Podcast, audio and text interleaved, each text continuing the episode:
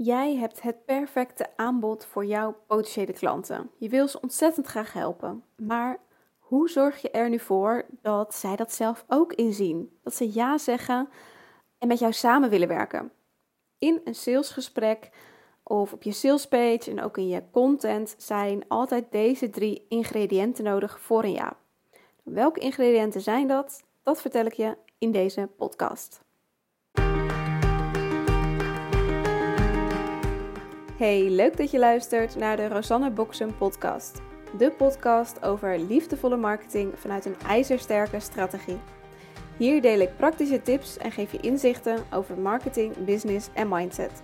Zodat je groeit in omzet en winst, maar ook in mindset en voldoening. Wil jij meer overzicht, structuur en balans in je bedrijf? Luister dan verder. Enjoy! Hey, leuk dat je luistert naar weer een nieuwe aflevering en deze keer over sales. Want ja, let's be honest, uiteindelijk willen we natuurlijk allemaal sales in ons bedrijf. Want we hebben geen hobby, we hebben echt een bedrijf waar je omzet en winst uit wil halen. Dus belangrijk om ook klanten te krijgen, om consistent klanten aan te trekken. Nou, welke drie ingrediënten heb je daar nu voor nodig? En ook al heb je nu misschien al klanten, maar heb je nog niet zoveel klanten als je het zou willen, of wil je je prijzen verhogen en ben je bang dat mensen dan vaker nee gaan zeggen, ook dan zijn er altijd ehm, deze drie ingrediënten nodig. En is er waarschijnlijk één van die drie die je mag gaan aanscherpen. Nou, over welke drie ingrediënten heb ik het? Allereerst moet jouw ideale klant een bepaald verlangen hebben. Logisch, maar ehm, dat verlangen gaat eigenlijk nooit echt over jouw dienst of product of het resultaat ervan. Het gaat namelijk veel verder, veel dieper. stel even als voorbeeld, uh, ik ben op zoek naar een boormachine. En dan wil ik niet per se gaten in mijn muur maken, maar ik wil iets op kunnen hangen, zodat mijn huis echt een thuis wordt en ik me fijn en vrij voel. En zo ook bijvoorbeeld uh, willen mijn ideale klanten willen hun aanbod voor 2000 euro en meer consistent, vol vertrouwen kunnen verkopen. Dat willen ze graag, zodat ze echt moeiteloos kunnen rondkomen en blij worden van hun toffe klanten, fijne samenwerkingen hebben en meer dingen kunnen uitbesteden, een dagje vrij durven nemen. En dat is uiteindelijk weer belangrijk voor hen, zodat ze echt een gevoel van vrijheid ervaren. Vrijheid om lekker te reizen of uh, meer aandacht te hebben voor vrienden, familie, voor toekomstig gezin. Uiteindelijk voelen ze dan meer rust, zelfvertrouwen en voldoening. En hoe beter jij dus ook het echte verlangen van jouw klant kent, hoe beter je ervoor kan zorgen dat, uh, dat jij dat verlangen ook vervult met jouw aanbod maar wanneer mensen jou nog niet zo goed kennen, delen ze natuurlijk niet gelijk hun diepste dromen en verlangens met jou. Het gaat vaak eerst over wat meer oppervlakkige dingen, zoals omzet. Of blijven ze heel vaag, zoals vrijheid. Nou, hoe kom je nou bij dat diepere verlangen? Eigenlijk is het heel, heel simpel. Luisteren en vragen stellen. En wat mij betreft mogen we daar met z'n allen wel wat beter in worden. In plaats van heel veel zelf te willen vertellen, ga dus vooral echt meer luisteren en vragen stellen. En er zijn daarin drie niveaus van verlangen die je kunt ontdekken, namelijk extern, intern en filosofisch. En extern zijn wat meer oppervlakkige doelen en wensen, zoals een uh, bepaalde omzet, zoveel klanten, een nieuw kantoor. Um, nou, denk maar, het gaat vaak over geld of spullen materialistisch. En als je dan doorvraagt, dan kom je meer bij het interne verlangen. En het lukt met één heel simpele vraag, namelijk waarom wil je dat graag? Of waarom is dat belangrijk voor je? En deze vraag kan je net zo vaak herhalen totdat je echt bij de kern bent. Luisteren en doorvragen dus. Nou, uiteindelijk heeft iedereen altijd wel een bepaald verlangen. Of het nou durven uitspreken of niet, we hebben hem altijd. Maar toch zetten we niet altijd de nodige stappen om het ook echt te realiseren. Misschien ken je het wel dat je ook een vriend of vriendin wel eens ergens over hoort praten dat ze iets graag willen, maar ze komen maar niet in actie. Dat je echt denkt, waarom gaan ze niet gewoon iets doen? Dat komt omdat er ook een uh, probleem nodig is. Alleen een verlangen is niet genoeg om echt in beweging te komen. Er is een probleem of pijn nodig. En die moet groot genoeg zijn. Als, uh, als je potentiële klant niet weet dat hij een probleem heeft, of wat het probleem is, wat het echte probleem is, dan is er ook geen oplossing nodig. Of wanneer dus de pijn niet groot genoeg is, dan, ja, zijn we, dan gaan we gewoon niet in beweging komen. En dat komt omdat onze hersenen zo werken. Met name ons oerbrein. En ons oerbrein is namelijk ingesteld op overleven. En we blijven veel liever in een situatie zitten die we wel kennen en voorspelbaar is, ook al voelt het niet fijn, ook al doet het misschien een beetje pijn. Dat liever dan dat we naar het onbekende gaan, want dat is um, spannend en vaak gevaar. Voor je oerbrein in ieder geval. He, zelfs al is de kans op minder pijn en problemen in dat nieuwe situatie heel groot, ons oerbrein vindt dat gewoon te spannend. En die ervaart dit ook dus als gevaar. Ook al is dat nu natuurlijk helemaal niet meer zo. Maar dit is wel precies waarom het zo lastig is om je gewoontes ook bijvoorbeeld te veranderen. Ook al zijn ze slecht voor je. Een klein stemmetje in je hoofd, dat oerbrein dus, die zorgt ervoor dat we vaak uh, of de stap niet, überhaupt niet zetten, of snel terugvallen in een oude situatie. Dat is dus ook wat je bij je klant wil doen. Jouw ideale klant moet dus inzien dat hij of zij een echt probleem heeft.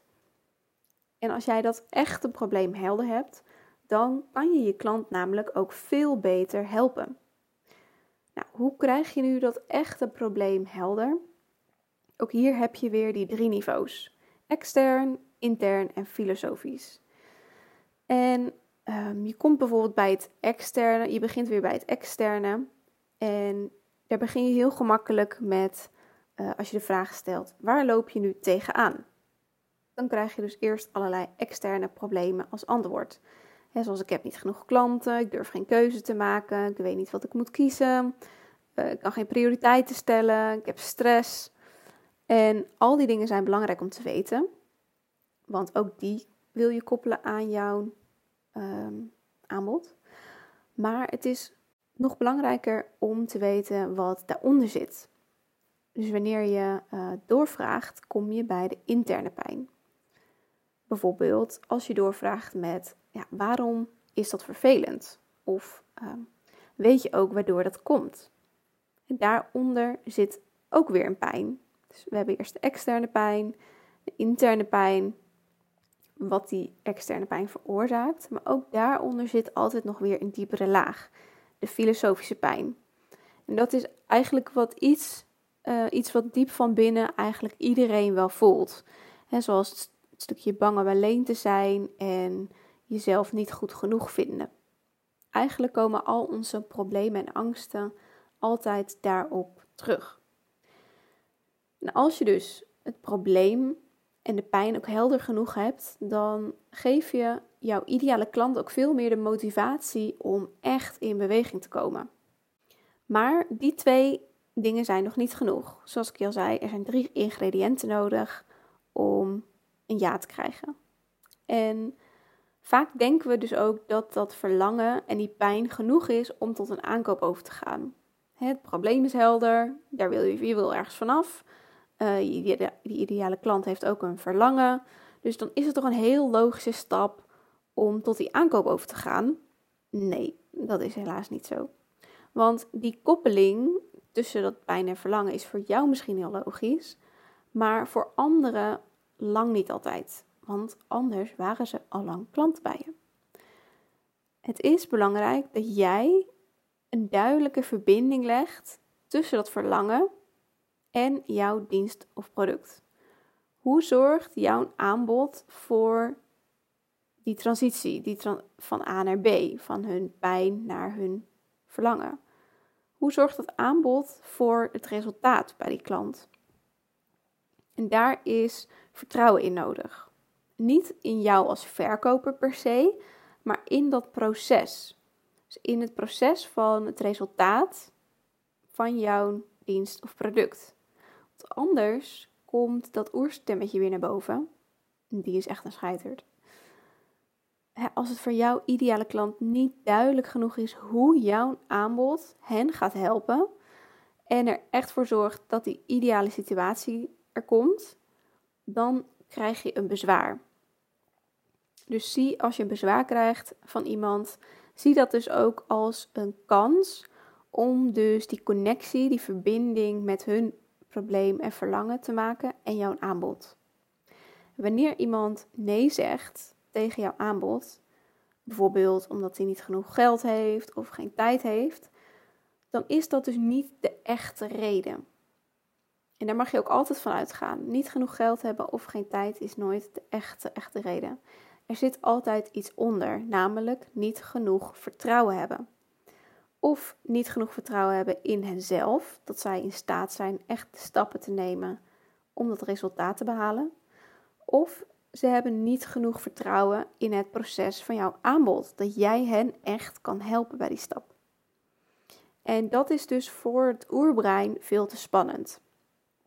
Als er niet genoeg vertrouwen is in het proces en het resultaat, dan is het die spannende stap niet waard. En dan blijven ze liever in hun vertrouwde omgeving.